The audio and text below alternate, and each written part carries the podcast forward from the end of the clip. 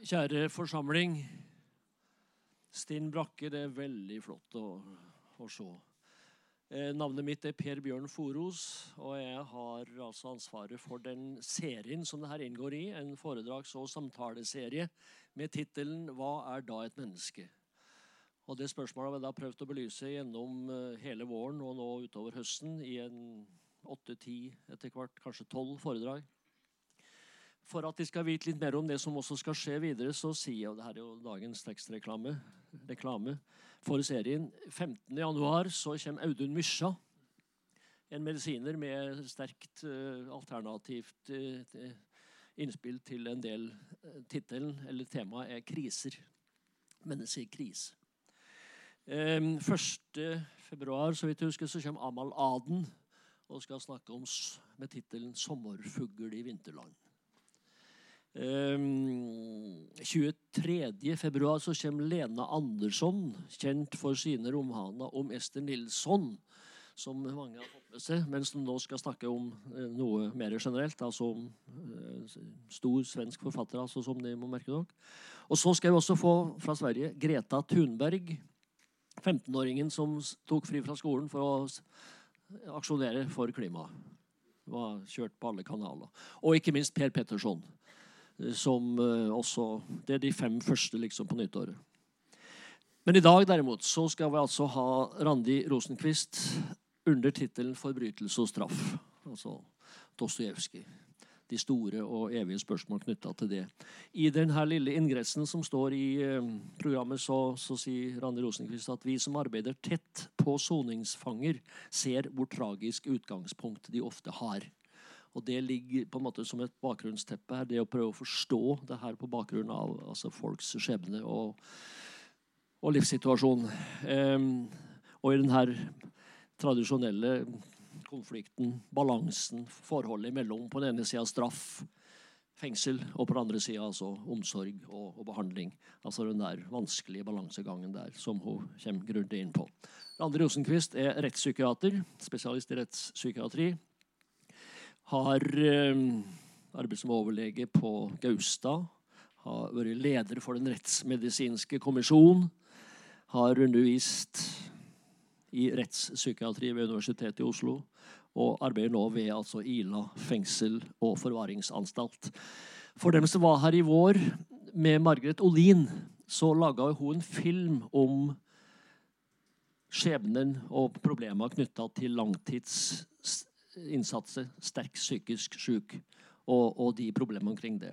Det var bakgrunnen for at det faktisk huka tak i Randi Rosenquist, som altså da takka ja øyeblikkelig. Hun hatt ett foredrag før i dag, stuende fullt. Kom med nattoget fra Oslo i dag, har hatt ei forelesning før og har den uh, tilsvarende forestillinga på formiddagen. Har hatt et møte deretter og går etter forestillinga i kveld direkte på nattoget tilbake til Oslo. Ja. Allerede det fortjener en applaus.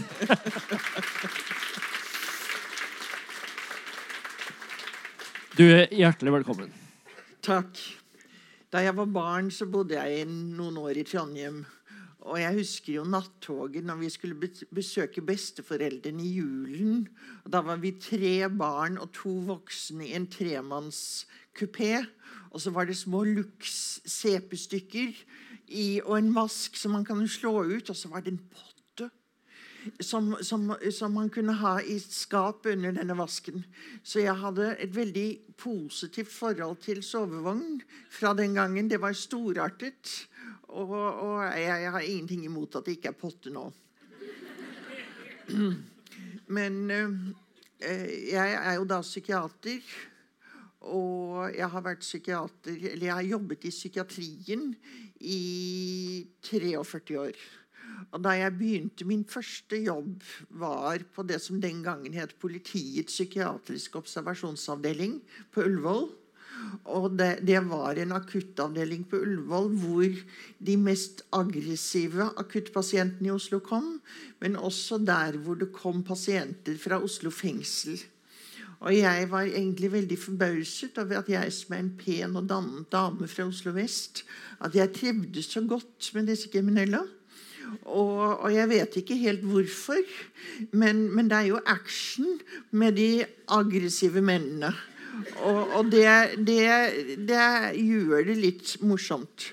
Men jeg skjønte veldig tidlig at hvis man har behov som lege for å ha takknemlige pasienter som blir friske og harmoniske, og, og, og, så skal man ikke begynne med de aggressive mennene. Og jeg tenker hvis, hvis man er veldig avhengig av bekreftelse fra pasientene, så syns jeg man skulle jobbe på barsel.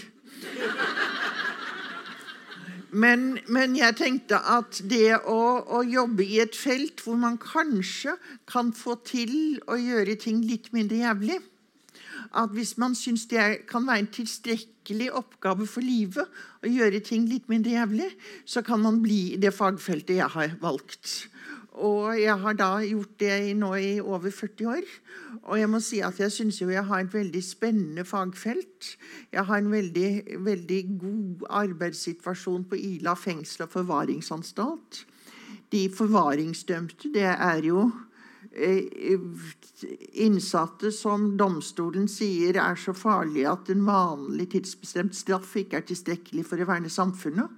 Og så må domstolene ha noen som kan bedømme når er de blitt så snille at de kan løslates. Og da spør de doktor Rosenquist hvor snill er han blitt. Og, så må jeg da lage en sakkyndig vurdering av forvaringsdømtes snillhet. Og det er ikke veldig lett, det kan jeg si.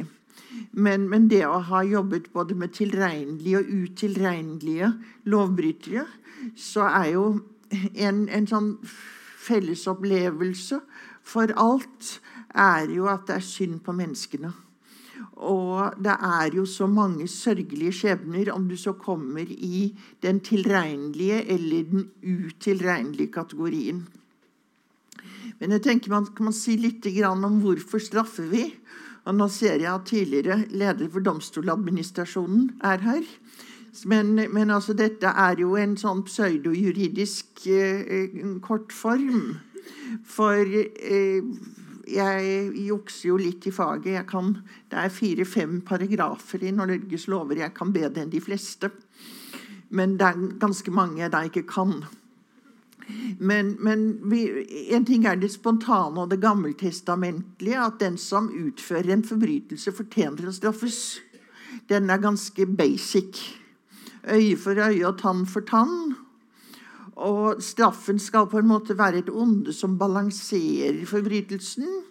Og gjerningsmannen skal, skal oppfatte at det lønner seg ikke å gjøre det igjen, iallfall. Og så, er, så har jeg glemt et spørsmålstegn her på, på powerpointen. For skal fornærmede oppfatte det som rettferdig?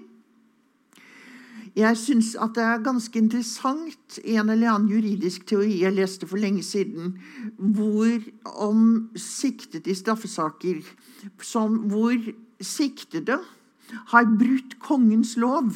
Og det er kongen som straffer, fordi at kongen er den fornærmede. Fordi at man ikke gjør sånn som kongen sier man skal gjøre. Da jeg var liten, så sa mine foreldre at kongen har sagt at barn får ikke leke med fyrstikker. Og vi holdt oss til det kongen hadde bestemt. Men det at staten skal straffe når det egentlig er en fornærmet som er fornærmet altså Vi har jo sluttet med blodhevn og litt sånne ting. Men, men, i sånn klassisk strafferettsteori så er det jo staten som skal straffe. Og fornærmede er egentlig ikke part i saken. Dette har jo endret seg i 20, de siste 20-30-40 årene. Og fornærmet har fått en mer sentral stilling både i selve straffeprosessen, men også, også generelt. Og, og, vi har et ganske stort press, så vidt jeg kan se, på at fornærmede også skal oppfatte det rettferdig. Og jeg tenker at det er leit at man, man ja, når, når, aviser intervjuer moren til avdøde, som da eh, får høre at nå er han som drepte sønnen din, han har nå permisjon fra fengselet. Hva syns du om det? Så sier han, og dette her er bare seks år etter at han drepte sønnen din, så sier naturligvis moren at det er fælt, og sønnen min er borte for alltid, og nå kan drapsmannen ha permisjon i 24 timer. Og jeg tenker, Behøver man å blande den stakkars gamle moren opp i dette? Behøver man å lage en, en avisoppslag om dette? Men det virker jo som man gjør i dag. Og det er min definitive oppfatning at man de siste 40 årene har beveget strafferetten mer tilbake i litt sånn at fornærmede skal føle at det er rettferdig det, man skal ikke slippe for lett. Mens det faktisk på 70- og 80-tallet var jo en del eh, bevegelser om at eh, lovbryteren var jo egentlig bare en stakkars mann som hadde, livet hadde fart ille med. Og det er jo for så vidt sant. Men, men det er noe med grøfter. I hvilken grad forstår man lovbrytere slik at man unnskylder? Og i hvilken grad eh, forlanger man strenge straffer, slik at fornærmede skal være, være eh, hevnet? Og det er liksom de to emosjonelle sidene som kommer inn i strafferetten. Så har vi jo også sånn generelle relative straffeteorier. at eh, Spesielt den generalpreventive virkning av straff. Så det er det er vel slik at hvis jeg hadde drukket et halvt glass rødvin og spist middag, så kunne jeg helt sikkert godt ha kjørt bil. Men jeg gjør det ikke. Jeg gjør det absolutt ikke.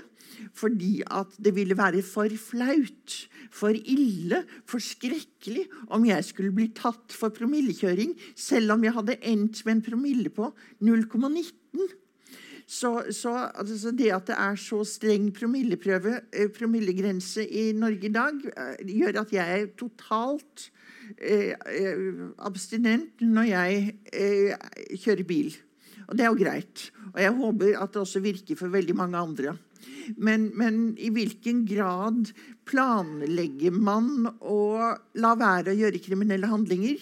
Når det gjelder min rødvinsdrikking, så planlegger jeg å la være å kjøre i påvirket tilstand. Men det er jo slik at det er veldig få drapsmenn som setter seg ned først og tenker er det verdt straffen. Altså, Veldig mange av drapene skjer jo helt upåvirket av den strafferamme som man har. Men vi kan jo ikke la drap og eh, forgå ustraffet. Det hadde jo vært veldig ødeleggende for samfunnet, tror vi. Og det, jo, det mener jo jeg også. Og vi har jo da en straffelov for å verne eh, mulige og aktuelle fornærmede. At vi må sette en regler for at det er en del ting vi simpelthen ikke aksepterer i vårt samfunn. Det er jo mye dumt og vanskelig og fælt som, som ikke er straffbart. Og, men, men, vi må sette noen grenser, for dette er jo, er jo uh, altså vi, vi, later jo som om vi er et sivilisert samfunn. Så, så, tenker vi jo også at man må reparere inntrådt skade. Og denne følelsen, den folkelige følelsen av at gjerningsmannen er blitt tilstrekkelig straffet. Og det er jo mange diskusjoner om altså forhold på straff for voldtekt versus drap versus narkotika versus pedofili. Altså, Hvordan skal disse tingene straffes seg imellom? Og folk syns jo ikke nødvendigvis at det, eh, de, de, reglene vi har, er riktige. Men det, det er iallfall de vi har. Og rettsutviklingen er ganske langsom på dette felt. Så nevner jeg også, sånn, når jeg sier reparering av innsatt skade Sivil erstatning ligger jo utenfor straffeloven. Og som dere antagelig vet, så kan man ikke dømmes skyldig dersom det er en rimelig tvil på at man kanskje ikke er skyldig likevel. En helt urimelig hypotetisk tvil som, som, eh, eh som f.eks. en DNA-bevis hvor man tenker at det kunne jo tenkes at vedkommende gjerning, siktet person hadde en tvillingbror som ingen visste om, som var blitt bortført fra fødestuen, og som nå kom og gjorde hadde gjort dette og etterlatt det, det DNA-sporet. Det, det, vil jeg si er en så ekstrem dårlig liten tvil at det, det ser vi bort ifra. Iallfall hvis de var født på stiftelsen, naturligvis. Men, men, eh, man kan jo da, som dere sikkert også vet, man kan bli idømt erstatningsansvar for noe man er frifunnet for, for straffansvar. Og det reagerer jo folk på. Iallfall de som må betale erstatningen. Og, og, som da er hengt ut at de er frifunnet, men de er ikke frifunnet likevel. Men det er fordi at vi har to forskjellige eh, lovsystemer som, som, samhandler, og sånn er det. Og eh, man kan løse det som i OJ Simpson-saken, med at man først har én rettssak hvor man da blir frifunnet for drap, og så en annen rettssak hvor man blir dømt til å betale erstatning. I Norge så har jo ikke erstatningene vært så veldig store. De har ikke vært så sentrale. I Amerika så er jo det smarteste du kan få, er jo en erstatning for et eller annet. Det er både der, din situasjon og dine barn og barnebarns fremtid økonomisk sikret. Men i Norge så er jo ikke erstatningene veldig omfattende. Men allikevel, det, det kan bli penger av det. Men det er da ikke straff så er jeg litt opptatt av at samfunnets sympati og helsehjelp det er jo også noe som for, uh, fornærmede får. Og jeg husker en, en TV-debatt for en del år siden hvor det var en voldsofferforening som sa at det er noe som heter kriminalomsorg. Men hvor er offeromsorgen? Vi har ikke noe omsorg. Og jeg tenker det har man sannelig. Man har familie, man har venner, man har fastlegen, man har, har presten, man har arbeidsgivere. altså Man har ganske mye omsorg. Og jeg skal si at den omsorgen man får i fengselet, er jo ikke veldig omsorgsfull, kan man si. Men, men straffeloven regulerer dette her. Og vi har jo da mange ulike straffer i Norge og noen kriminelle handlinger som definitivt er straffbare, de løses allikevel gjennom konfliktråd, slik at det ikke blir straff. Men vi har bot og samfunnsstraff og eh, soning hjemme med fotlenke og ungdomsstraff og eh, narkotikadom med domstolskontroll og betinget fengsel og ubetinget fengsel og forvaring. Og jeg holder stort sett på med ubetinget fengsel og forvaring. Det er noe som slår meg når jeg snakker med forvaringsdømte. Så sier jeg ja, du er jo dømt syv ganger tidligere. Nei, sier de. Var er dømt to ganger tidligere? Hva, sier jeg. Jeg har jo rullebladet ditt her. Du er dømt syv ganger. Og nei, det, det, det var jo betinget straff. Det var jo ingenting. Og jeg ser jo da at noen lovbrytere tenker at betinget straff ikke er noen ting. Tenk om de hadde fått samfunnsstraff. Da hadde de måttet gå og rydde i parker i 30 timer, eller kanskje 120 timer hvis de var riktig fæle. Men, men altså en betinget straff det tenker de, det er jo ingenting, for de måtte jo ikke i fengsel. Men så tenker jeg, hva slags andre straffer kunne vi ha hatt? Og jeg har undret meg litt over hvorfor vi ikke har pisking i Norge. Og, og jeg tenker ikke da pisking på et offentlig sted. Og jeg tenker ikke at man skal piske så mye at huden faller av, og at man dør to uker etterpå av komplikasjonene. Men, men hvorfor har vi ikke pisking? Og det er jo fordi at vi mener at det er barbarisk. Men det å sende folk i fengsel hvor de delvis sitter isolert det er ikke barbarisk. Og For 150 år siden så trodde man jo at når kriminelle fikk en celle hvor de kunne sitte og lese i bønneboken og, og tenke på sine synder og omvende seg til det gode liv, at det var det bra. Men det, det viser seg jo at det å, å isolere og, og, gjøre, og, og avskjerme en person fra fra eh, samfunnet totalt, det gjør ikke en, en skrøpelig psykisk helse bedre. Og jeg tror ikke det er så veldig mange kriminelle som blir veldig altså, fylt av 'nå vil jeg være god'. Det tror jeg ikke skjer. Men jeg, jeg, jeg husker jeg, jeg, så et intervju en gang eh, for mange år siden med en mann som hadde vært eh, ungdomskriminell rett etter annen verdenskrig i England. Og han sa at han, jo, at han ble jo straffet med birching, altså bjerkeris. Og han var heldig, for han slapp å komme i, i Borstal, sånn forbedringsanstalt. Og det å bli banket opp med et bjerkeris var Han sluttet å være ungdomskriminell, og han kom ikke i forbedringsanstalt for å lære dårlige eh, vaner av sine medinnsatte unge menn.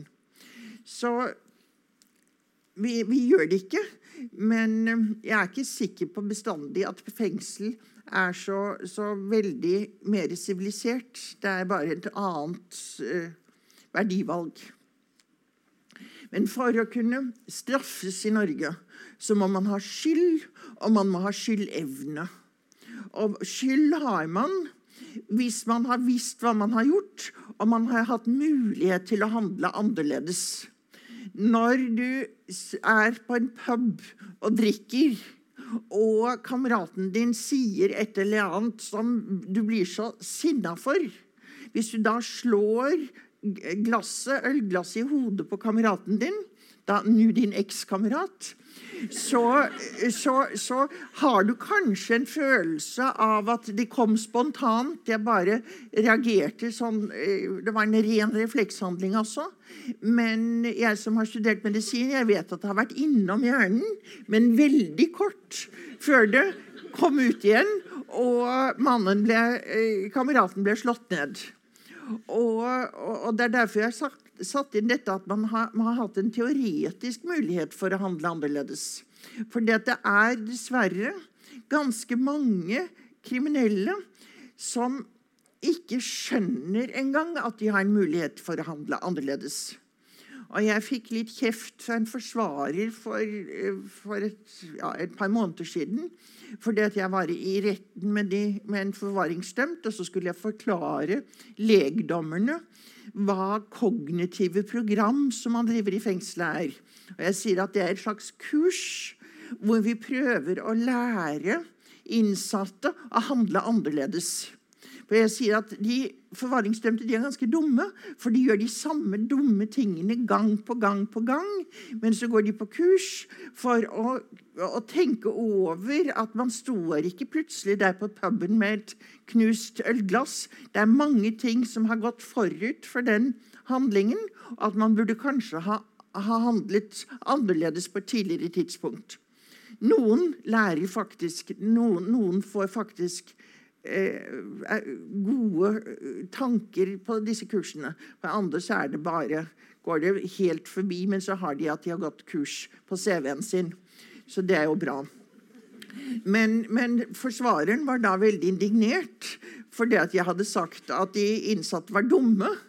Men eh, det hadde jo vært verre om jeg hadde sagt at de var slemme, syns nå jeg, da.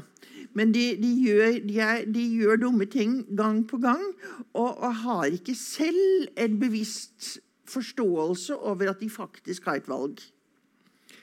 Men, men altså, hvis man skal ha gjort noe forsettlig, så skal du ha altså, Hvis du har hatt et tiendedels sekund å tenke deg om, så har du da uh, skulle tenke deg om. Vi vet jo at så fort går det ikke. Og så fort går det slett ikke hvis man er uh, overstadig beruset. Men i tillegg til det å faktisk ha skyld, så må man ha skyldevne. Og hva vil det si å ha skyldevne? Det, det, er da også definert i straffeloven. Og du må være tilregnelig. Og det vil si at du må være over 15 år. For 15 år er den strafferettslig lavalder. Det er noen land som har strafferettslig lavalder på ni år. Så det med strafferettslig lavalder er det ikke vår Herre som har bestemt. Er, I Norge så er det Stortinget som har bestemt den strafferettslige lavalder.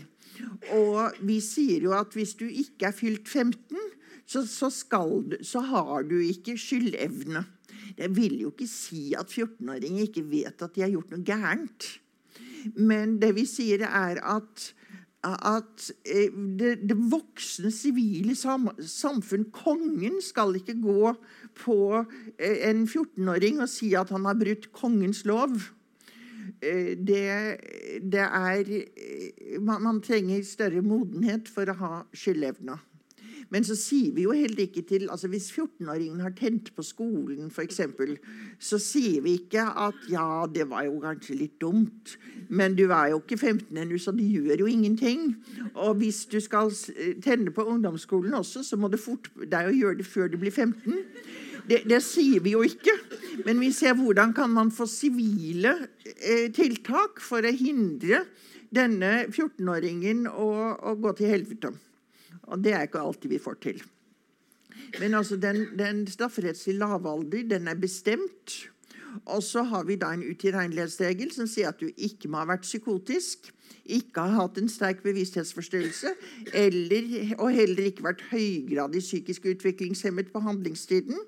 Fordi at det Da er man ifølge Stortinget strafferettslig utilregnelig. Og da er det spørsmål hva vil det si å være psykotisk eller eh, ha en sterk bevissthetsforstyrrelse eller være høygradig psykisk utviklingshemmet på handlingstiden. Og da vil jeg ta en liten omvei om dette medisinske prinsipp som vi har i norsk strafferett, iallfall inntil videre. Og det medisinske prinsipp er det at man blir fritatt for straff for handlinger man har begått mens man var veldig syk. Så når medisinerne har sagt at man var veldig psykisk syk, sånn som Stortinget har definert at veldig psykisk syk skal forstås, så blir man automatisk fritatt for straff. Det psykologiske prinsipp er at man blir fritatt for straff for handlinger man har begått fordi man var veldig psykisk syk. Og Rent intuitivt så er det jo det psykologiske prinsipp som er riktig. For det skal du fritas for straffansvar, så må det jo være en sammenheng. Men jeg har vært sakkyndig så lenge, og, og hvordan, hvordan kan jeg vite hvorfor en veldig psykisk syk mann gjorde en eller annen straffbar? Altså det å lage en kausalitet, det er fryktelig vanskelig. Jeg var i en rettssak for ikke så veldig lenge siden som jeg syntes var helt merkelig. Det var en, en, mann som hadde en psykosesykdom. Hadde, hadde vært syk i 25 år. Hadde hatt 42 innleggelser i psykiatrien i disse periodene. Delvis med voldsomme religiøse vrangforestillinger, og delvis med depresjoner, suicidalitet, og delvis med påvirket fra TV og sånt noe. Og så, i en alder av 50, så tok han livet av faren sin. Og så forklarte han de sakkyndige at han hadde tatt livet av faren sin fordi at, moren, eh, fordi at faren hadde brukket lårhalsen og var blitt sengeliggende, så moren kunne ikke reise på ferie. Men siden han har drept faren, så kan da moren få ferie. Og så sier de rettspsykiatrisk sakkyndige og også domstolene tenker at det var jo rasjonelt grunnlag for å ta livet av sin far. Slik at Han kan jo umulig ha vært psykotisk når han tenker så logisk at man tar livet av faren for at moren skal reise på ferie. Og altså, Hva ligger bak? Hva ligger under? Og Jeg har snakket med så mange psykotiske voldsmenn som har kommet med forklaringer i hytt og pine. Og, og som, som, hvor man egentlig ikke vet hvorfor de gjorde det. Og jeg er veldig glad for at vi ikke har en sånn kausalitetsregel. Jeg så en gang for en god del år siden i USA en liten eh, videosnutt av en meget, meget syk schizofren kvinne som hadde tatt livet av begge sine foreldre. Og i den staten hun levde, så kunne man først bli funnet frifunnet hvis man hadde begått den kriminelle handlinger pga. det som heter imperative hallusinasjoner, altså bydende stemmer. Og siden da saken kom til retten, så var det ingen rettspsykiater som kunne føre juridisk bevis for at hun da hun drepte sine foreldre, hørte stemmer i hodet som sa 'kill, kill, kill'. Så da ble hun dømt som tilregnelig. Men hvordan fører man et slikt bevis? Og nå jo hun, kom jo hun fra en ganske sivilisert stat, så hun ville ikke bli henrettet før hun ble frisk. Så det var jo naturligvis veldig beroligende. Så, så det, jo, det, kan jo være en medvirkende årsak til at prognosen med schizofreni kan være ganske dårlig. Men altså, hvordan kan man bevise hvorfor folk egentlig har gjort noe? Og det kan man jo ikke bevise når, når folk er tilregnelige heller. Men altså den kausaliteten altså da, Man kan bevise at de har gjort det, men kausaliteten, hvorfor man gjorde det, det er ofte ganske skjulte ting. Men altså, vi har da dette medisinske prinsipp. Og da er jo spørsmål hvordan har Stortinget definert veldig psykisk syk? Og da sa jeg psykotisk, sterk bevissthetsforstyrrelse eller høygradig psykisk utviklingshemmet. Og de som da er veldig psykisk syke etter norsk lov, de aller fleste av dem, de er da psykotisk slik dette er definert i loven. Ikke slik som klinikere sier. Det er mange psykoser og psykosesykdommer som ikke fritar for straff. Men hvis man skal være så dårlig at man omfattes av det medisinske prinsipp, at man nå skal fritas for straff, så må man ha en tilstand med omfattende realitetsbrist og manglende evne til å vurdere en situasjon og omverdenen som folk flest gjør. Og jeg må si at hvis du er har en omfattende realitetsbrist og mangler evnen til å vurdere ditt forhold til omverdenen, så mangler du jo for så vidt også evnen til å vurdere hvorvidt det var smart å ta livet av faren sin eller ikke. Så, så, så, det blir en global, en mer total vurdering at han var veldig syk. Han var psykotisk i strafferettslig forstand. Så er det slik at de fleste utilregnelige lovbrytere lider av schizofreni. Og det er omtrent 100, kanskje 130 noen år, lovbrytere som blir rettspsykiatrisk observert, og hvor de sakkyndige finner at de er utilregnelige. Og, så det er en ganske liten gruppe. Til, Det er en liten digresjon, men allikevel. Når folk tror at det er så mange som blir frifunnet fordi de, er, de hevder at de er psykotiske, da, det er ikke etter en rettspsykiatrisk vurdering og en domstolsavgjørelse. Det er at politiet er, har dårlig med penger.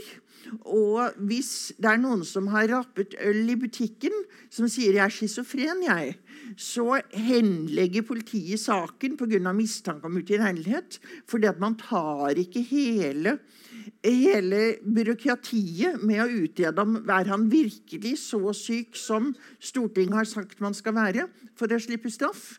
Slik at det er en hel del saker, anmeldelser, som blir henlagt fordi at politiet tenker dette er egentlig småsaker, og mannen er kanskje, kanskje helt sikkert, muligens utilregnelig, og det får så være. Men når man tenker på alle de andre sakene politiet henlegger pga. bevisets stilling, eller fordi de ikke har tid til å gå inn i etterforskning i det hele tatt, så er jo disse eh, sakene med, med uh, schizofrene menn som stjeler pils i butikken, det er jo en bagatell i det store henleggelseshullet. Men altså, det er få i Norge som blir frifunnet for straff pga. psykose. Man må vite at eh, ja, altså, eh, De fleste er schizofrene, men det er veldig viktig å skjønne at de fleste som har schizofreni, er ikke utilregnelige. Og det, etter Breivik-saken så ble det en del diskusjon om eh, at det var di diagnosen schizofreni som fritok for straff. Og det er tull. For det er tilstanden man er i på handlingstiden. Hvis man er veldig syk, av sin schizofreni den dagen man begår en kriminell handling. Det er tilstanden som fritar for straff, og ikke diagnosen. Men det, det ble, ble, i avisene, og også meget lærde jurister påsto at eh, den straffefrihetsregelen diskriminerte handikappede fordi at alle som hadde schizofreni, ble da ansett som utilregnelige og farlige. Og det, det er jo bare sludder. Men det er mye sludder ute og går. Men, eh, men, det kan jo også være andre sykdommer som kan gi omfattende psykotiske symptomer. Og det kan være andre psykoselidelser. Korsakoff syndrom. Hvis du har drukket tett i 40 år, så har du så store hull i hodet at du ganske, kan ha ganske voldsomme vrangforestillinger. Og det er det ikke stort å gjøre med. Men eh, selv om det, disse hullene i hodet er selvpåført, i den forstand at man ikke burde ha drukket tett i 40 år, så er han allikevel så syk når han har utviklet Det er en han, som regel. Et Korsakows syndrom. At han blir fritatt for straff. Og, og i noen, noen tilfeller kan det jo være en somatisk lidelse, f.eks. malaria. Nå har vi, så vidt jeg vet, så har vi ingen straffesaker i Norge som går på at en malariasyk har tatt kvelertak på sykepleieren og er blitt frifunnet fordi han var hallusinert og trodde at sykepleieren var en tiger. Det har vi ikke saker på, men i teorien så er det god, et godt eksempel. Så har vi da også regler om høygradig psykisk utviklingshemming. Dvs. Si at du skal ha en IQ under ca. 55.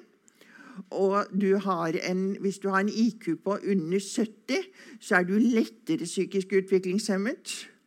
Og, og, så blir du mer og mer alvorlig psykisk utviklingshemmet ettersom eh, IQ-en daler. Men jeg kan forsikre dere at en person med IQ på 65 ikke er veldig glup. Og vi har, en, vi har, en, vi har hatt en tilregnelig eh, mann på Ila som ble dømt for å ha tatt på underbuksene til femåringer. Og Han kom aldri så langt som til tissen, men han var veldig opptatt av det området. Og Dette hadde han gjort flere ganger og hadde fått noen straffer. og sånt, Så til siste fikk han forvaring fordi han var opptatt av femåringers underbukser. Og han hadde da en IQ på 65, og så hadde han i tillegg det som kalles atypisk autisme. Altså en autistisk lidelse som, som gjorde at han var enda mer bortenfor vekk. Og han fikk, eh, han fikk forvaring som tilregnelig. Jeg syns det er støtende ut fra min eh, måte å se et menneskeverd og, og hans funksjonsnivå men det som da skjedde, var at vi jobbet øh, Og vi brukte vel tre år på det, tror jeg. Han satt i fengsel i tre år. Og så klarte vi å få ham inn i en bolig for psykisk utviklingshemmede, hvor han blir passet på, og hvor, hvor staten betaler for at, øh, at, kommunen skal passe på ham. Noe kommunen hadde plikt til å gjøre tidligere også, men de har dårligere betalingsevne enn staten. Og, men, men han, han, gleder seg til han skal, eh, forvaringen løper ut, for da har han tenkt å gifte seg. Og når han gifter seg, så han, da skal han ha noen å spise frokost med. For det har man når man er gift. Og så skal han ha 1,8 barn, for det, det er normalt. For han vil fryktelig gjerne være normal. Men, men altså han er da tilregnelig etter norsk lov i dag, og det syns jeg er ille. Sterk bevissthetsforstyrrelse det er det nesten ingenting av. Og, og det, eh, det er Altså, man kan tenke seg altså Dere har naturligvis ikke erfaring med dette. Men hvis man drikker fryktelig fryktelig mye og har en promille på sånn 3,9 eller noe sånt, nå, så er man egentlig ganske slått ut. Og da kan man ikke tenke så veldig mye. Men, så har, men så hvis man har en sterk bevissthetsforstyrrelse fordi at man er overstadig beruset, så er det en spesialregel som sier at da kan man straffes likevel. Selv om man ikke aner hva man gjør. Men, men hvis du f.eks. har eh, hypoglykemi, så en eh, diabetiker som har eh, satt for mye insulin, og som så setter seg i bilen i den tro at han har tatt riktig dose insulin, og som så går i en komatøs tilstand og kjører ned det, det, er, det, kan være en sånn sterk bevissthetsforstyrrelse. Men det er i praksis veldig lite. Eh, hvis man leser avisene, så tror man det er ganske mye. For det, er så mange som ikke husker noe. Man har nok hatt en sterk bevissthetsforstyrrelse. Og det, innen man kommer til retten, så er, er det ikke sånn. Men så har vi da en regel at de som da faktisk blir funnet utilregnelige, de kan dømmes til, eh, til særreaksjon. Men det jeg har prøvd å si nå med de siste to-tre foilene, er at det å bli funnet utilregnelig det er et veldig smalt spor. Det er ikke slik at folk er utilregnelige en masse. Men hvis du blir funnet utilregnelig, og, og, og domstolen kommer til at det er fare for at du på ny kan begå en straffbar handling, en voldshandling så kan man bli dømt f.eks. til dom til tvungen psykisk helsevern. Og Da er det viktig at gjerningsmannen er faktisk frifunnet. Man sier han har ikke skyldevne. Han kan ikke klandres for dette her. Men samfunnet trenger å beskytte seg selv. Og dermed så dømmer domstolen helsevesenet til å gi denne pasienten adekvat behandling der samfunnsvernet er ivaretatt. Det er viktig at den dommen ikke er en straff. Og, men dette oppfattes ikke som straff nok. Altså Tenk dere for 100 år siden. Hvis du var sinnssyk og hadde begått en alvorlig voldshandling, så ble du lagt inn på sinnssykeasyl. Og der ble du kanskje resten av livet. Og naboen, naboene kunne si at ja, det er synd på ham, stakkar. Han, han har det ikke så greit, og nå er han på sykehus. Ja. Det er lettere å akseptere at han ble frifunnet når han allikevel blir eh, sendt på livsvarig opphold i psykiatrisk institusjon. Mens i dag så er jo behandlingen så god at en som har fått dom til tvungen psykisk helsevern etter å ha drept noen, f.eks., kan utmerket godt være ganske frisk en relativt kort tid etterpå. Og han skal jo ikke ha flere restriksjoner. Han skal ikke passes på mer, nektes mer enn det som er rimelig ut fra hans potensielle fare. Men jeg vet jo politikere som sier at ja, nei, hvis man har hvis man har drept noen, og så kan Det var en sak for noen år siden hvor, hvor det var en som ble dømt til tvungen psykisk helsevern og var på Dikmark. og så Tre år etter drapet så ble han observert av en journalist på Karl Johan mens han spiste softis. Og så sier en politiker at ja, hvis man kan gå på Karl Johan og spise softis tre år etter drapet, ja, da har man sluppet for lett. Og, og, da, og, det er der jeg begynner å få vanskeligheter. For da har man ikke skjønt at han faktisk ikke skal straffes. Og da, da, kommer vi igjen inn i hvilken grad har vi som samfunn behov for at fornærmede skal vite at han, han får ikke spise softis. Det må han vente mange år til. Altså, det, det, det Altså, jeg, jeg, skjønner jo at noen reagerer, men, men jeg syns det er leit. Og jeg vet at jeg har et, en pedagogisk utfordring når jeg sier at noen som da ikke lenger er farlig, må få lov til å spise all den softisen han har lyst på. Og jeg vet jo om jeg om én sak hvor det var en kvinne som tok livet av sitt barn i en manisk depressiv tilstand. Hun var dypt deprimert.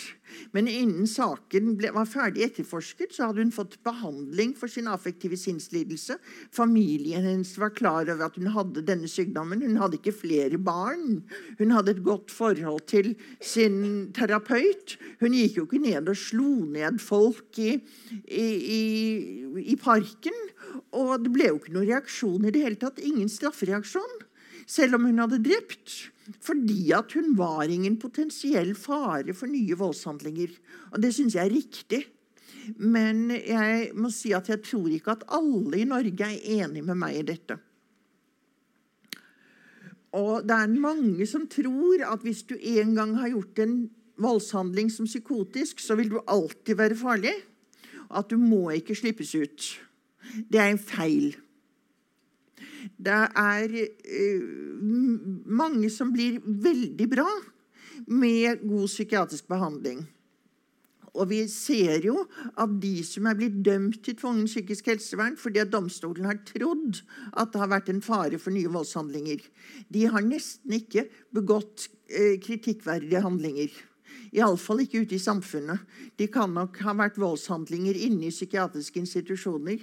Men psykiatrien har klart å passe veldig godt på disse, slik at det har ikke vært de store problemene. Og da kan man si det er jo leit at psykiatrien først begynte å passe på disse pasientene etter at de hadde begått en voldshandling. Hvorfor kunne de ikke ha gjort det før? Men da er det slik at hvis du aldri har drept noen så si at, si at man har 100 pasienter med schizofreni, og man statistisk tror at én kommer til å drepe. Det er ikke det, det, er et mye lavere tall, men fordi det er lettere med hoderegning med én, så, så, tar jeg det. Men altså, så kan man ikke si på forhånd hvem som kan komme til å drepe. Slik at man må da behandle alle pasientene, alle hundre, eh, veldig mye bedre. Mye mer oppfølging. Gi dem mindre individuell frihet. Dyrere oppfølging. Mindre autonomi.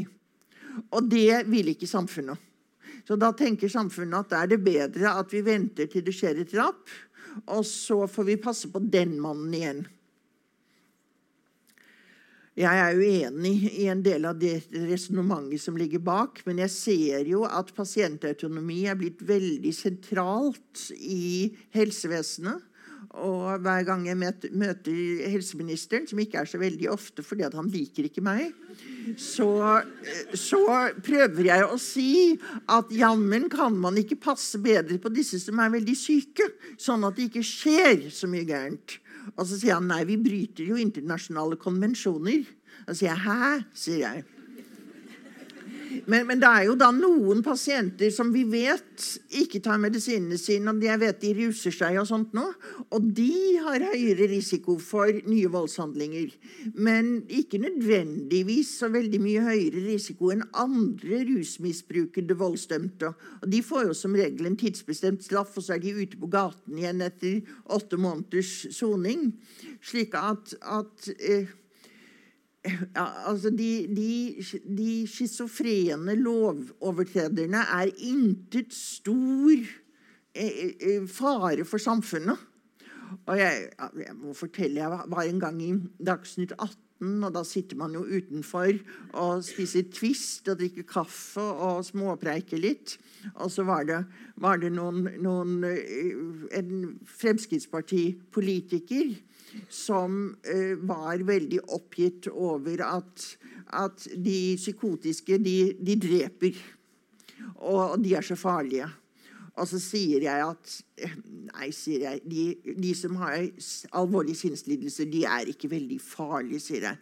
Men hvis du virkelig er opptatt av å redde liv, da foreslår jeg at du ø, forbyr Eh, alle menn under 25 år kjører bil, spesielt om natten. Og han ble så fornærmet og sa det får være måte på å være useriøs, sa han. Men altså, hva slags risiko tenker man man kan tåle? Og, og altså, det er jo mange gutter under 25 som ikke krasjer med bil. Men, men altså, vår opplevelse av risiko, den er nok gal. Fordi at man tror altså Hvis man tror at de, de psykisk syke er sånn som Jack Nicholson i film, så, så, er det jo ikke sant. Og mange som er dømt til tvungen psykisk helsevern, de klarer seg ganske bra. Og, og, som jeg allerede da har problematisert, er det rettferdig at de da skal skrives ut fra sykehus relativt kort tid etter. Og, men det vil jo være ganske vanskelig f.eks. For, for avdødes etterlatte å møte drapsmannen på nærbutikken relativt snart etterpå. Og det, det har jeg stor forståelse for.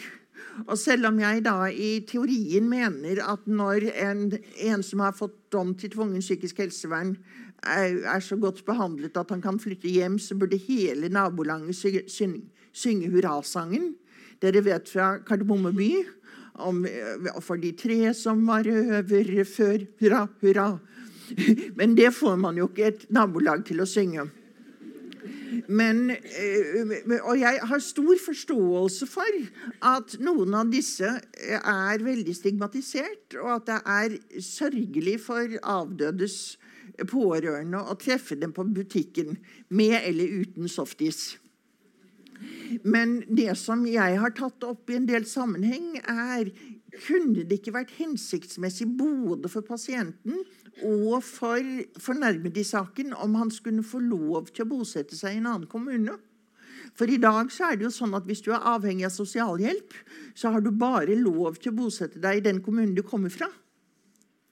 Og det vil si at du må hjem.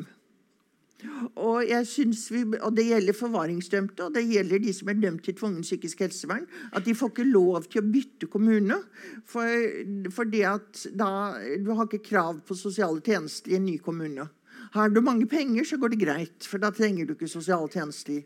Men jeg, jeg syns det er en dum regel, for jeg tror at eh, noen som har begått veldig alvorlige voldshandlinger, vil selv ha det bedre hvis de kan bo et annet sted i landet. Og jeg tror at etterlatte har det bedre. Jeg har en forvaringsdømt på Ila som har tatt livet av to personer i hjemkommunen, som har omtrent 820 innbyggere. Og denne mannen syns at han, nå har han sonet straffen sin, så han kan reise tilbake uten at noen skulle bry seg. Men de 820 som jo vet at han har tatt livet av to stykker i den kommunen, de er ikke fornøyd med det.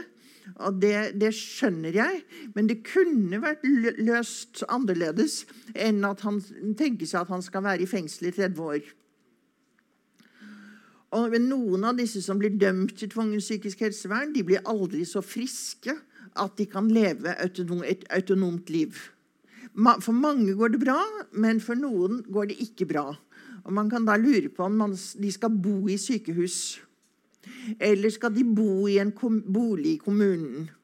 Og det er jo ikke meningen at folk skal bo i sykehus. Men det er heller ikke meningen at folk som overhodet ikke kan ta ansvar for seg selv og sin atferd, skal bo i kommunen. Og kommunen har ikke tvangshjemler til å kontrollere alvorlig sinnslidende personers atferd. Man har ikke lov til å si at du kan bo i en kommunal bolig, men du får ikke lov til å gå ut om natten fordi vi vet at du pleier å ruse deg om natten. Og da, og da har du pleid å tenne på på vei hjem. Det er ikke lov, for der bor du hjemme. Og da skal ingen komme her og bestemme hva du skal gjøre hjemme. I, I, Stavanger har de hatt på sykehuset tre pasienter som var dømt til tvungen psykisk helsevern, og som alle fungerte veldig dårlig. Og så hadde man funnet en bolig, et hus, hvor man hadde innrettet tre små leiligheter, altså personalbolig. Og så, steng, så hadde man en del tvangs tiltak, sånn at de ikke fikk lov til å gå ut. Disse tre var alle rusmisbrukere. Og Så kommer fylkesmannen på besøk, og så sier fylkesmannen du verden dere, hva dere har fått til. Psykiatrien var fornøyd, eh, det ble billigere, pasientene var fornøyd, de hadde det bedre enn å bo på sykehus. Og Så går fylkesmannen tilbake på kontoret og så sier han, men dere har ikke lov til å gjøre det. Hvis man skal sette grenser for alvorlig sinnslidelse, så må de være i sykehus. Men vi har jo ikke sykehusplasser til dem.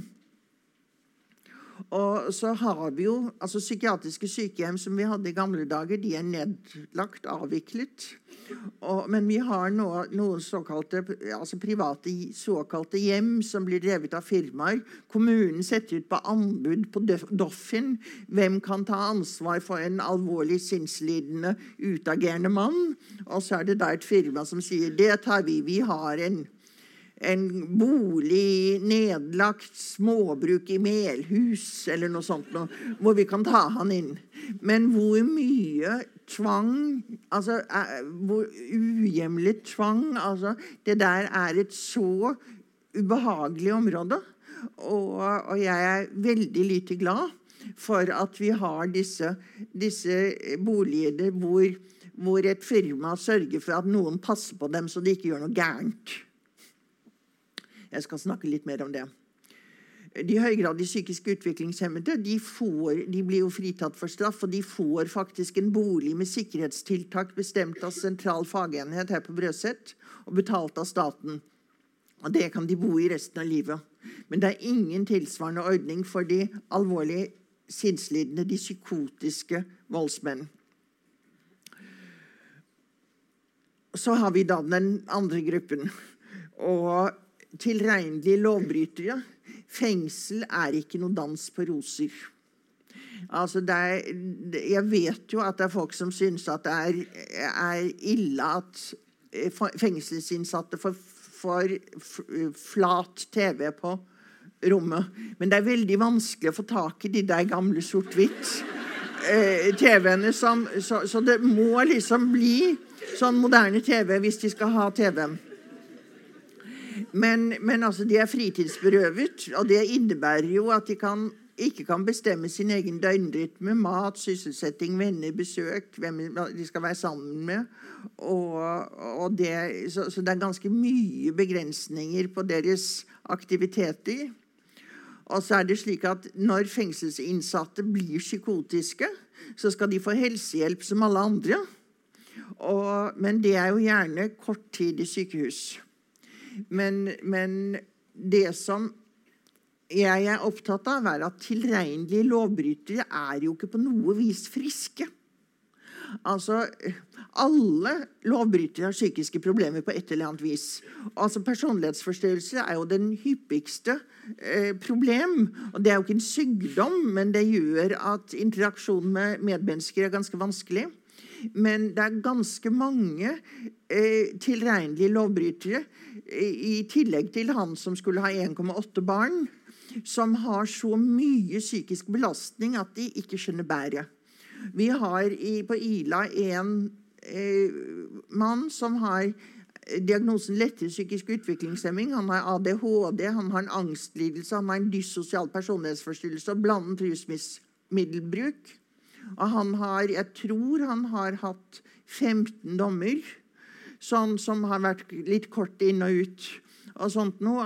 Det har vært vold, og det har vært tyveri, og det har vært narkotika og sånt noe. Og, og han er vel, han er vel i, i begynnelsen av 40-årene nå. Og jeg tenker at hans evne til å ta vare på seg selv er så under pari. De har vært i retten og sagt at han må man passe på i 30 år fremover.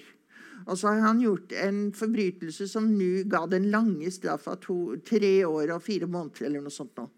Nå fikk han jo forvaring istedenfor, da. Men er det rimelig at han skal ha 30 års forvaring?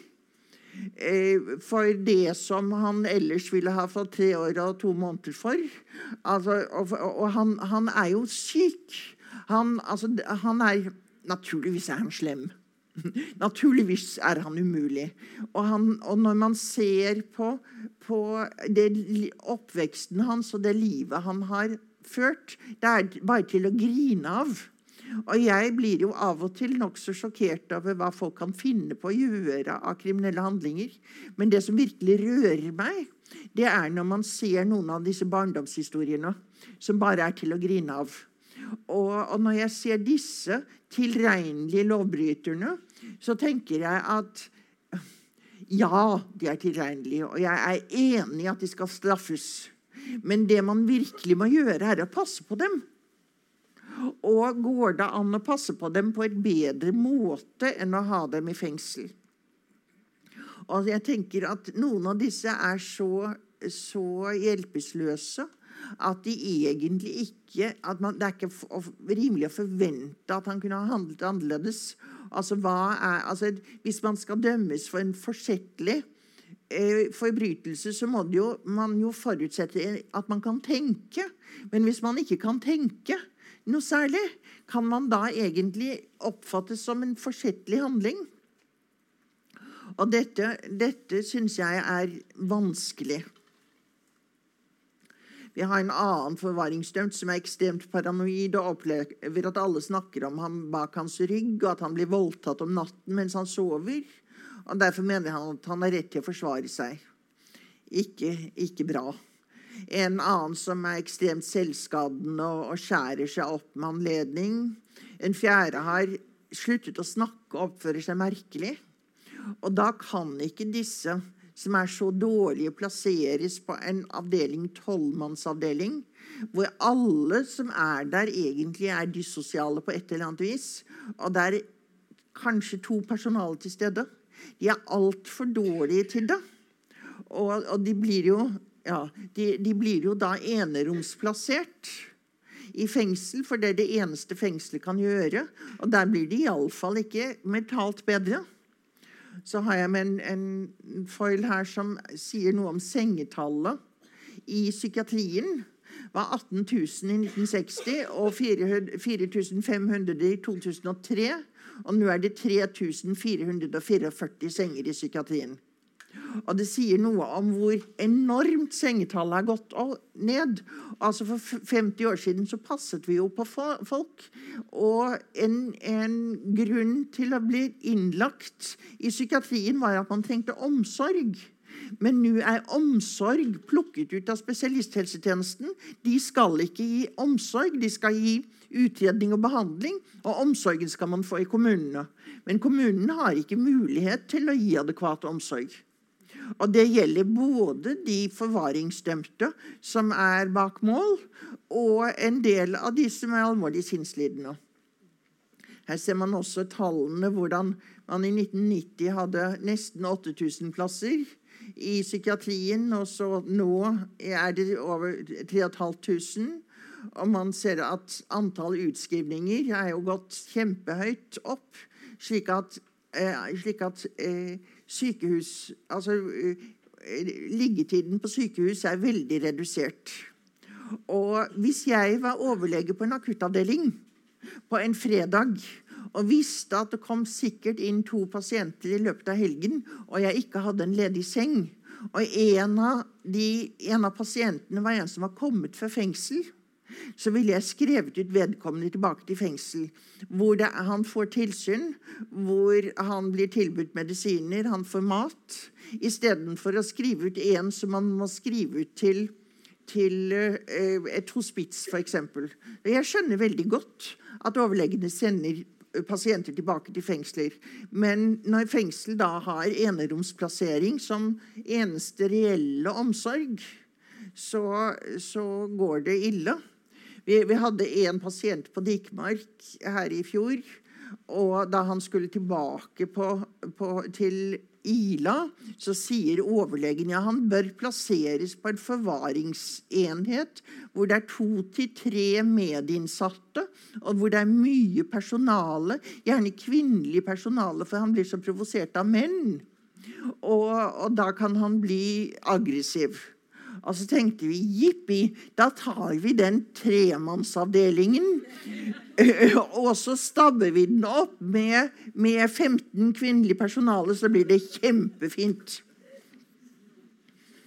Det han har gjort nå, denne mannen, er at han har klippet gress i luftegården når ingen andre har vært der. Og det har for så vidt stabilisert ham. For eh, altså, Fengselsinnsatte som er veldig urolige, de kan ikke være i en fellesskapsavdeling. Og man blir plassert på enecelle.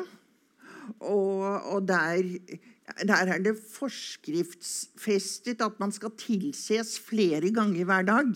Tenk det!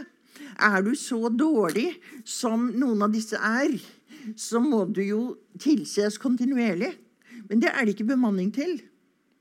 Og hadde og hvis man er Da er man fengslet og forlatt. Og hvis man er psykotisk eller nesten psykotisk, er en sånn plassering destruktiv. Og hadde han fått plass i psykiatrien, så hadde det vært lovbrudd å isolere ham på den måten. Men hos oss er det den eneste løsningen man har. Nå vet jeg at det er en eh, Petter Eide, er en SV-representant ja, SV på Stortinget, som gjerne vil ha en ny bestemmelse som sier at kriminalomsorgen skal ikke kunne plassere syke mennesker på enecelle. Og så sier vi ja, men hva skal vi gjøre da, da? Nei, Så sier han at da må vi ringe til, til legevakten, sånn at han kan bli lagt inn i psykiatrien. Men det er jo ikke slik verden er. Det er ikke plasser i psykiatrien.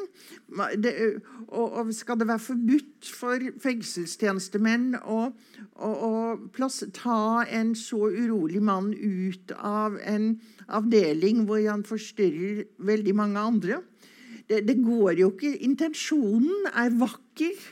Så jeg har foreslått kan, man ikke heller be, kan ikke heller Stortinget be om en handlingsplan for hvordan man skal unngå at syke mennesker blir satt i ene cella. Hvis de skal legges inn i, i psykiatrien, så er jo, er jo kriteriene her ganske vanskelige.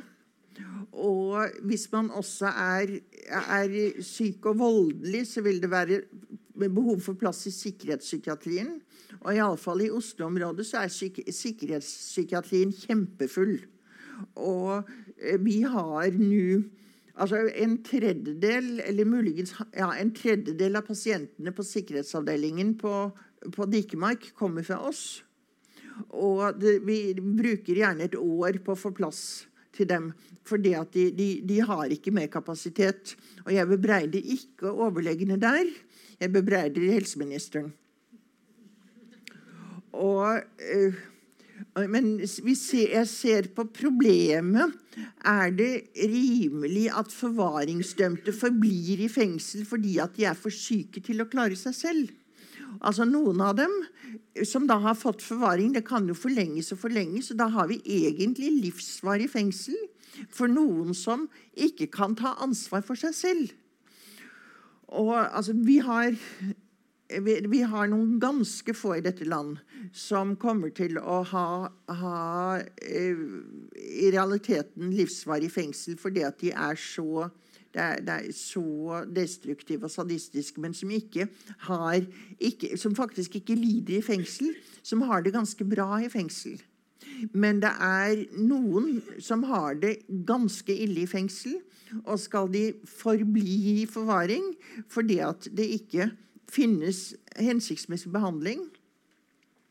Og jeg lurer jo også på om det er riktig at rimelig at alvorlig sinnslidende skal forbli i psykiatrien fordi at de er for syke til å ta et autonomt ansvar for seg selv. Og, og, og der, her har vi et, om, et, udekket omsorgsbehov. Og da har jeg konstruert en, en helt ny institusjon for jeg vil at alle helseforetak skal opprette sikkerhetshjem. Som skal ikke være straff, men som skal være tiltak for å verne samfunnet mot fremtidig kriminalitet og gi gjerningsmennene og eventuelt gjerningskvinnene anstendig omsorg og god, så god livskvalitet som mulig. Men da må helseministeren være med på at man må kunne ha tvangshjemler i bolig. Og man må ha et kvalifisert personale. Som, som, og man må ha alle kontrollrutiner og kontrollkommisjoner og rettssikkerhetsgarantier og alt sånt noe. Og det er klart at dette kommer til å koste. Men det, til, det, koster faktisk mindre enn å ha folk i sikkerhetsavdelinger i dag. Man vil få det til rimeligere. Og kanskje det ikke blir rimeligere enn å ha dem i forvaringsavdeling, men det blir ikke nødvendigvis veldig mye dyrere. Jeg er opptatt av at slike sikkerhetshjem de skal ikke være en psykiatrisk slum. For det, det, og, det, og det er jeg jo redd for. Det kan utvikle seg til sånn backwards, hvor alt går på, på halvt hold, og hvor budsjettene blir redusert og redusert og redusert. Men, men jeg syns jo at, at, vårt samfunn burde ha en villighet til å gi eh, totalomsorg til personer som virkelig ikke klarer å styre sine aggressive impulser eller så veldig mye annet av sitt liv. Og, og altså Man skal ikke straffes fordi at man er syk. Det kan godt være at også folk som er ganske syke, bør straffes med en vanlig straff, men ikke livsvarig straff, fordi at man er syk, og fordi at det ikke finnes noe, noe trygg ivaretagelse i samfunnet. Og det var mine hjertesykk om, om uh, forbrytelse og straff. Og jeg skjønner, jeg skjønner fornærmedes behov for, for at eh, forbryteren skal ut av, av, nærmiljøet. Men vi må også se på forbryteren, om han er nå tilregnelig eller utilregnelig. Hva trenger han for, å, for ikke å gjenta nye voldshandlinger? Takk.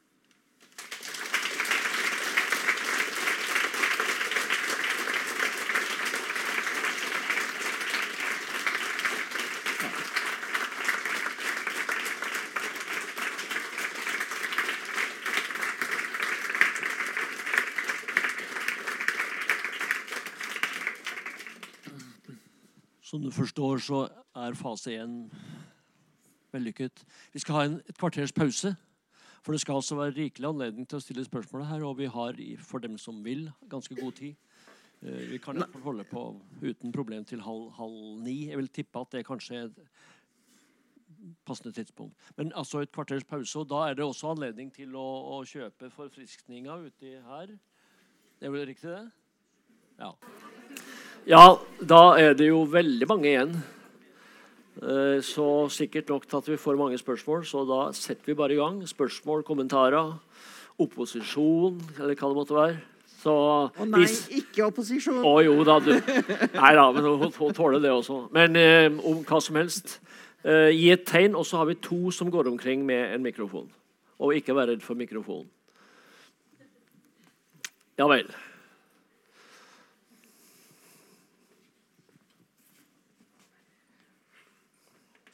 Tusen takk. Nei, men kom igjen, da.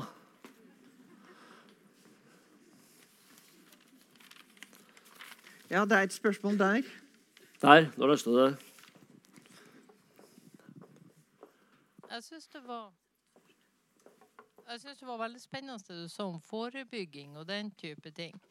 Tror du det er gode muligheter for å Hvis man hadde bedre forebygging og forhindra mye som skjer? Nå tenker jeg i forhold til psykiatri og sånn. Ja.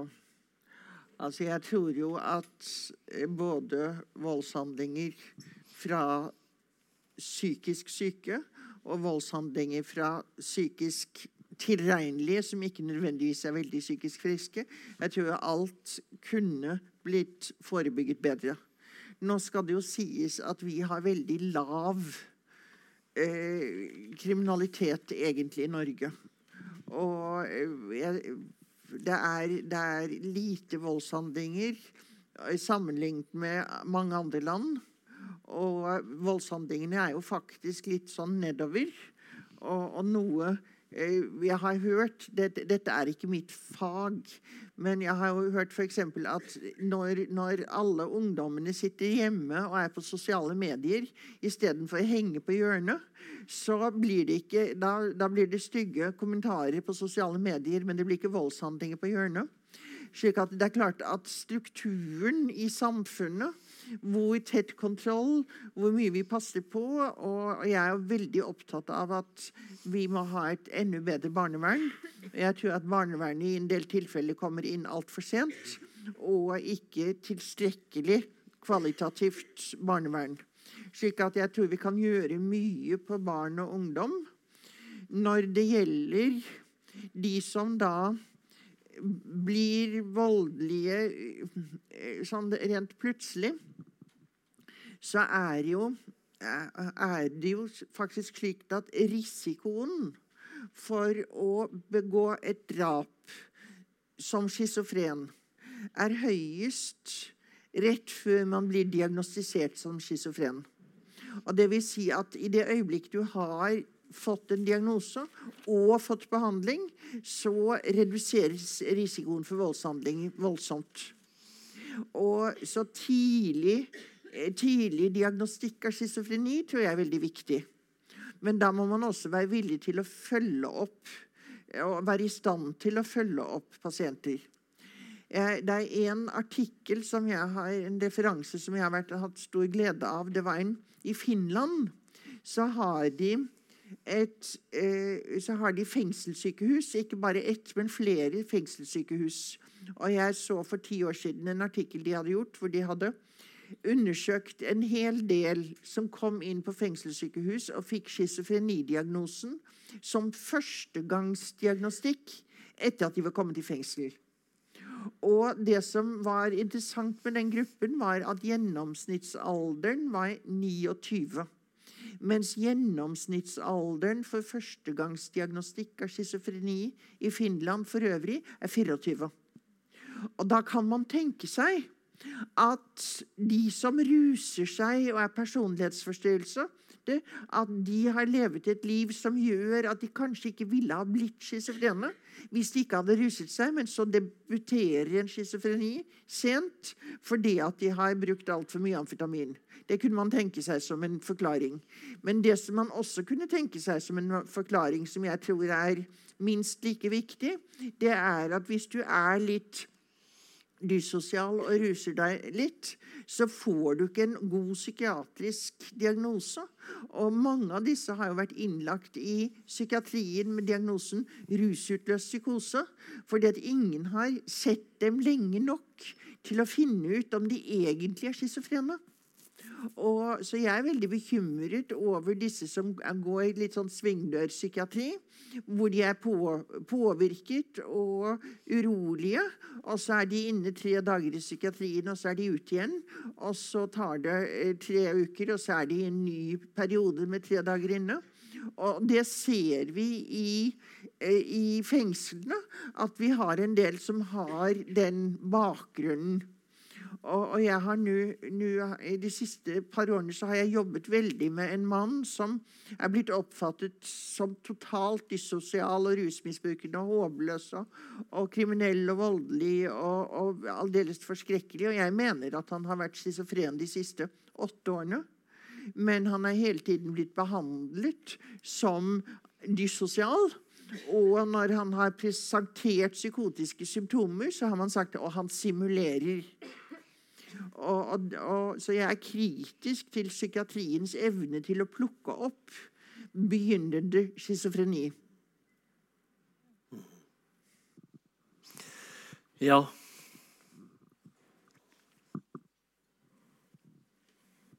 Der har vi Helvaren. Um, tusen takk for et veldig bra, bra foredrag. Um, jeg syns du i et, på et tidspunkt i foredraget antyda at du mener at pasientautonomien har gått for langt i Norge, og at man kanskje i større grad burde hatt muligheten for tvangsbehandling i psykiatrien, og at man kanskje derfor skulle drite litt i de her velmente menneskerettighetene.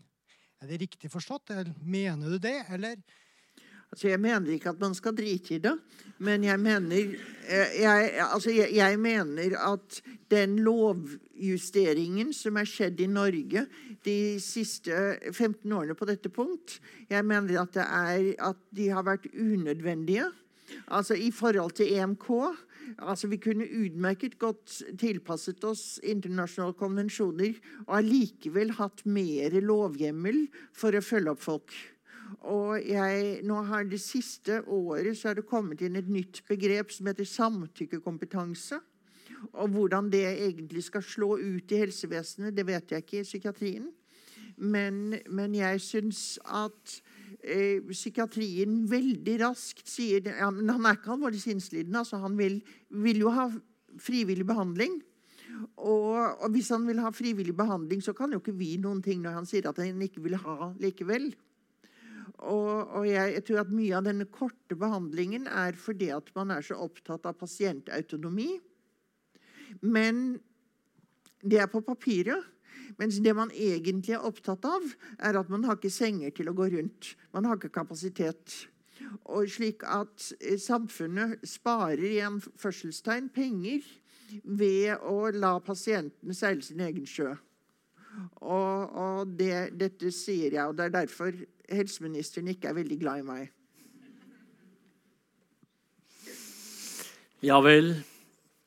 Der har vi en der. Borte der.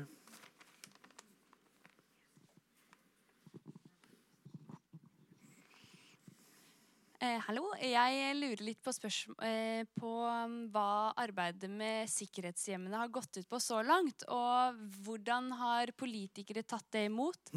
Og ikke minst, hvordan har f.eks. Legeforeningen og Norsk psykologforening tatt imot disse ideene, og hvem har du i ryggen så langt? Og hvor møter du de største bøygene? Ja, det, det, var mange gode spørsmål. Og altså, jeg har eh, De siste tre årene så har jeg reist rundt på ganske mange faglige møter og snakket om dette.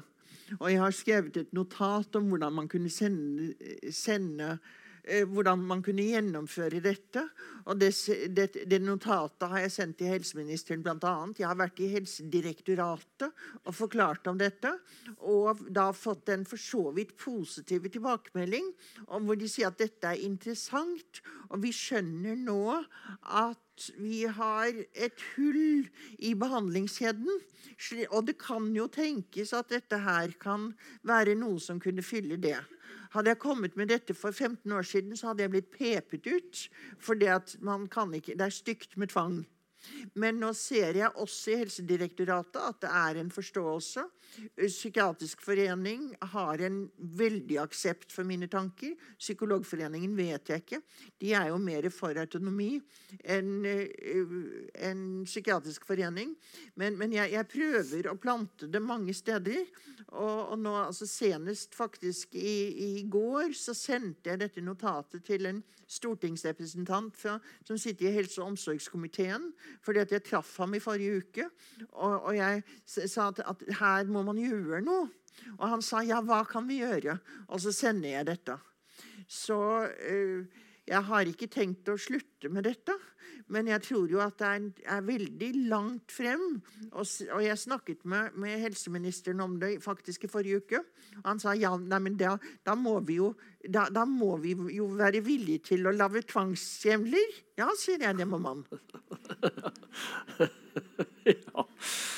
Og så sa han mm. Da snakket vi om noe annet. ja. OK.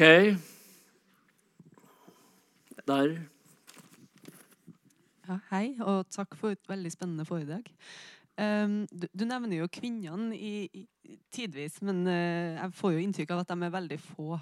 Uh, jeg, jeg nevnte hva for noe? Kvin kvinner. kvinner. ja. ja. Mm uh, finnes det noen forklaringer på hvorfor det er så mange menn og så få kvinner? Altså, menn er jo generelt mer aggressive enn kvinner. Og sånn fysisk aggressive. Og man ser personlighetsforstyrrelser fordeles eh, ulikt også. Og det er, nok, er nok mye Det har nok noe med testosteron å gjøre. Og altså, Menn er mer voldelige. Og, og, ikke kom her og fortell meg at dette bare er sosialt. Det, det er, jeg er helt sikker på at det også har med testosteron å gjøre. Men det er jo noen kvinner i denne kategorien.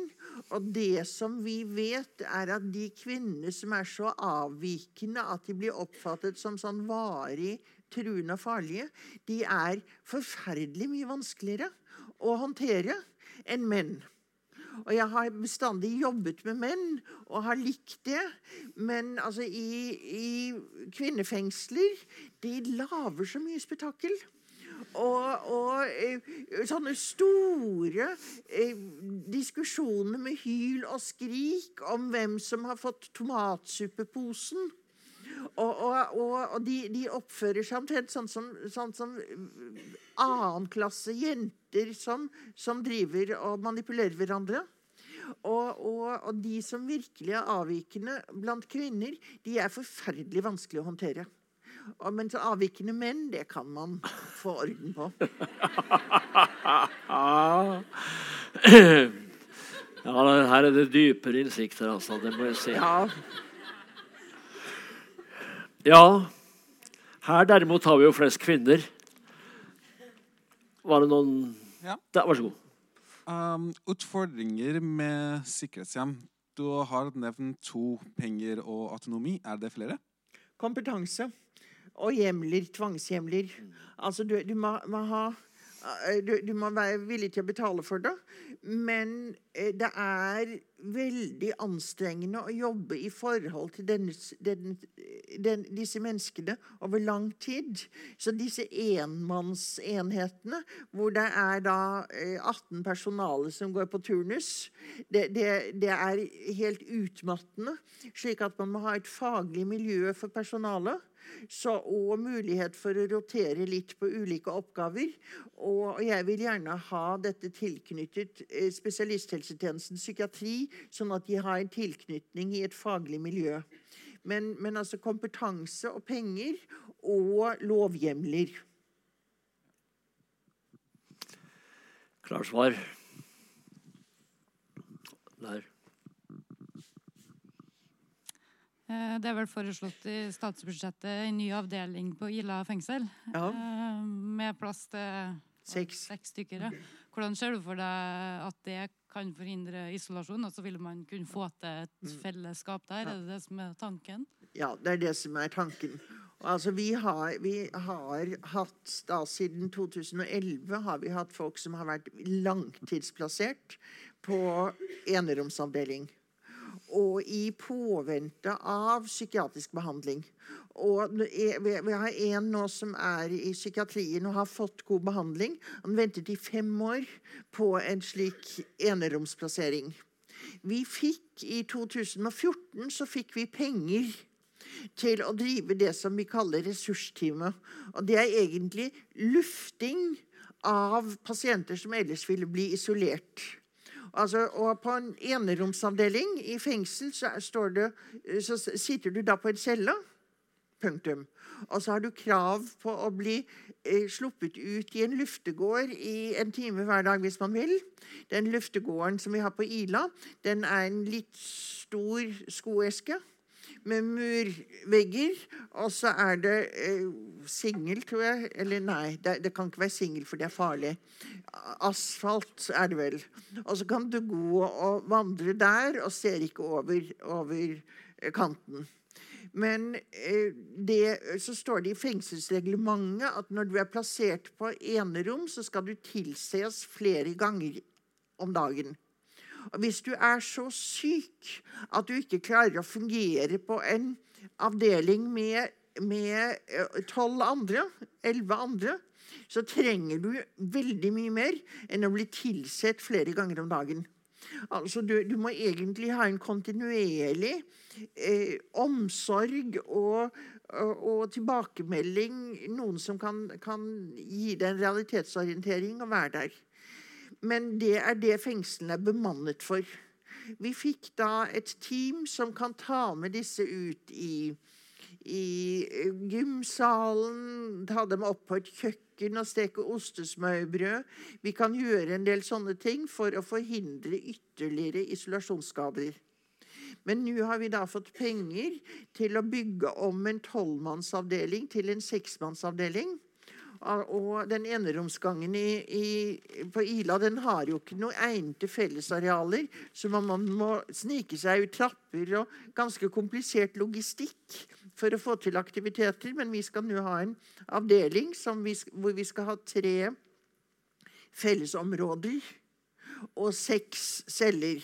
Og da tenker vi at de seks sykeste i Norge, de som har vært mest langtidsisolert på enerom i Norge, kan komme dit. Og at vi vil ha personale som da kan være sammen med dem på en konstruktiv måte og en arkitektonisk løsning som gjør at det, man kan gjøre det trygt. Men jeg er veldig opptatt av at dette er ikke noe fengsel, dette er ikke psykiatri. Dette er fengsel, en forsterket fellesskapsavdeling, hvor fengslene kan da ha folk og, og forhindre at de blir enda sykere mens de venter på plass i psykiatrien.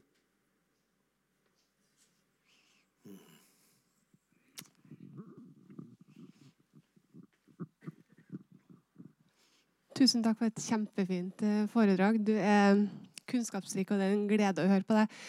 Du kaller det enerom, og det tror jeg ikke du mener, for at jeg får noen bilder i hodet mitt over det nydelige rommet jeg hadde hatt etter fødsel med, og barselavdeling. Og det er ikke sånn det er. Vi vet at det er, det er utestengelse og det er isolasjon. Ja. Ja.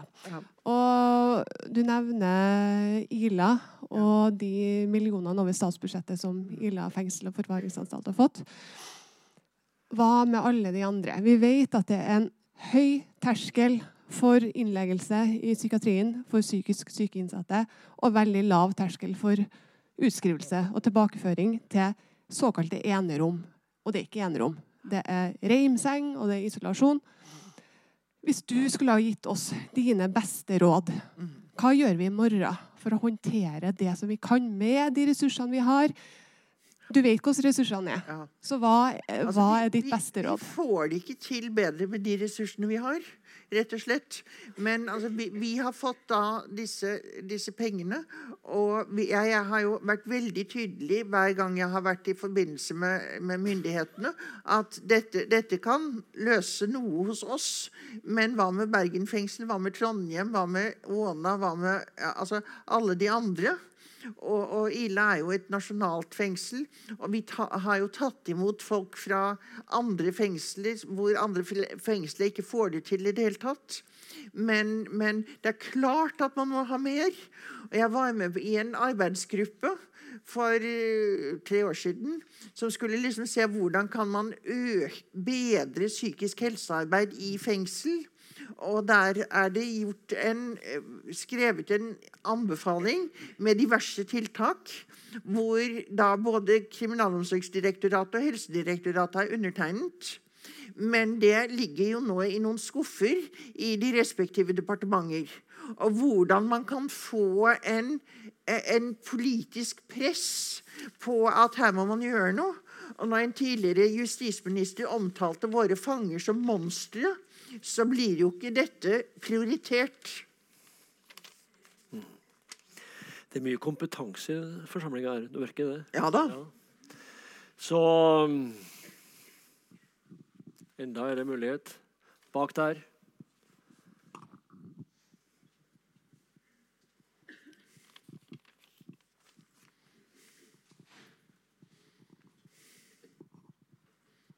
Du viste noen tall tidligere på plasser, antall plasser i 1970 versus eh, 2017. Var den politiske argumentasjonen som er brukt for å redusere det antallet så mye som det er redusert? Altså, det er jo det at det har vært Folk har ligget for lenge i sykehus. Og de skal bo hjemme, de skal ikke bo i sykehus. Og, det, og helseministeren sa til meg på, på torsdag at det er jo stadig mange pasienter som er altfor lenge i psykiatrisk institusjon. Og, og det, jeg skjønner det ikke. Men man har jo nå også bestemt at barselkvinner skal Halvparten av barselkvinnene skal reise hjem etter seks timer etter fødsel. Slik at det er jo en, en generell tendens til at alt skal over i kommunen, samtidig som det ikke er noe forståelse for at eh, kommunen altså ikke, De kan ikke komme rundt med plaster i kommunen. De trenger veldig mye mer. Og, og, så jeg tror jo at egentlig så er det et spørsmål om å spare penger. Men så er det da pakket inn i en ideologi om at folk må bestemme selv, og pasienten har det best i sitt eget hjem. Og, og vi kan ikke ha folk værende i psykiatrien eller på sykehus. Huff a meg. Ja. Jeg tror faktisk jeg, tillater meg også å fortsette litt i hans spor. Um, vi snakka også tidligere i dag i tilknytning til foredraget da, om at verden forandres. altså At det er noen konjunkturer i det her. Det er eh, historisk, det er politisk, det er økonomisk osv. Og det er helt åpenbart en forskjell i kriminalpolitikken fra det som på mange måter var de, de litt sånn vennlige eh, 70-80-åra. slipp, slipp fangene løs, det er vår. Det er vår. Ja. Det er vår nettopp. Og fram til i dag til, så er det på en Jeg prøver meg fram med er det, er det da slik at det skjer en slags At det har skjedd en slags tilstramming med tanke på avveininger, avveining i skyldspørsmål, tilregnelighetsvurdering, straffeutmåling eller altså forholdet mellom behandling og, og straff osv. Har, har det skjedd noe reelt, og kan det påvises? Ja. Eh, ja, det har skjedd. Og straffenivået går jo opp i en del ting, og delvis har Stortinget signalisert at man ønsker å høyne straffenivået. Det er eh, Høyesterett som har holdt litt igjen og sier man kan ikke bare plutselig doble normalstraffen for, for voldtekt bare fordi vi syns det er ille med voldtekt. Så altså den, den straffeutmålingen den er langsom, men den blir, den, den blir langsomt økende. Det som, det som bekymrer meg mye nå, er det at den nåværende regjering har fremmet et lovforslag hvor de skriver at intensjonen er at færre skal finnes utilregnelig. Altså da flere syke skal i fengsel. Og, og eh, man, man, må uh, få sin straff som fortjent. Altså, jeg ser jo uh, at, at, det er mange som er opptatt av at folk må straffes mer. Og, og jeg ser jo også at altså for, for i, På 70-tallet så var ikke fornærmede en veldig pågående part i en straffesak, som jeg sa. Men nå trekker man jo fornærmede frem og sier at det er urimelig hvis jeg fornærmede at det ikke blir strengere straffer.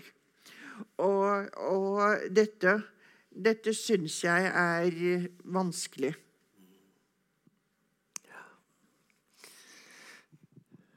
Ja vel, siste sjanse. Der.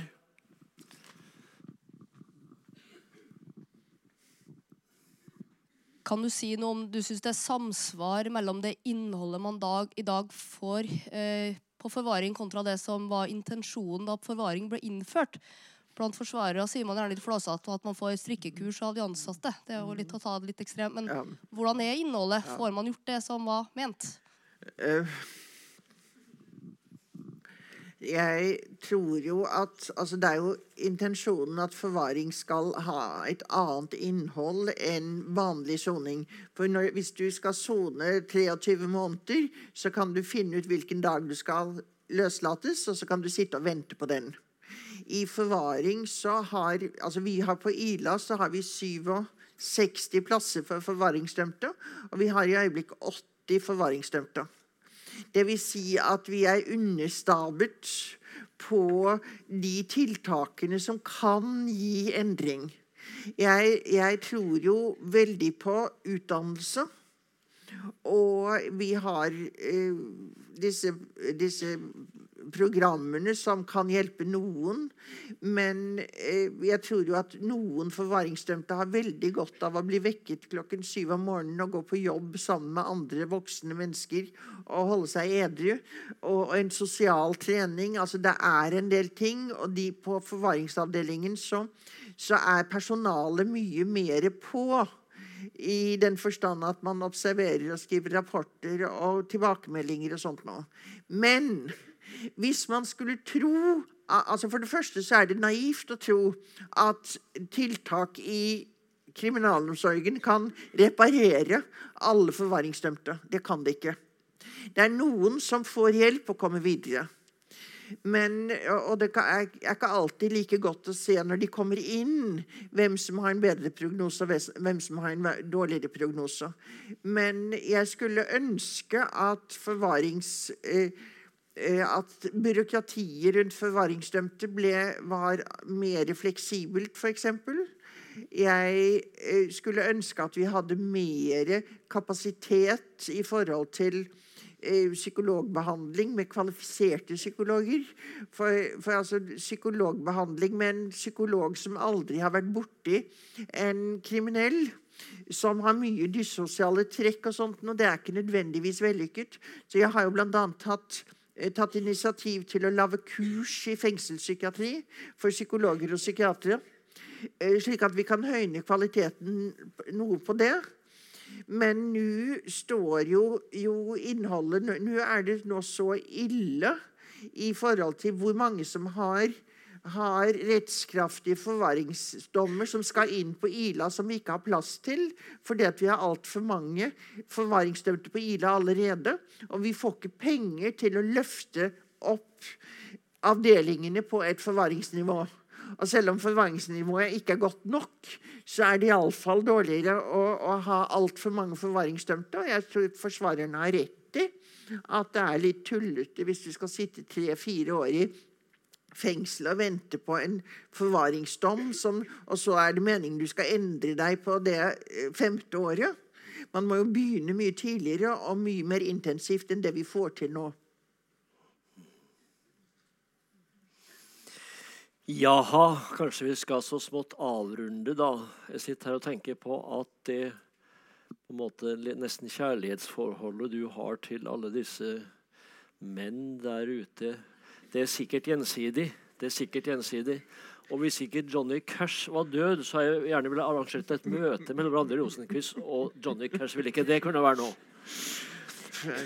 Nei, men uh, Ja, yes, yes, yes, yes. Nei, jeg slår fast at Randi Rosenquist framstår A med edruelighet, og da tenker jeg ikke på 0,19, men altså saklig. eh, Med troverdighet, med integritet og med humanitet. Så mange takk skal du ha for at du kom. Takk for å bli invitert.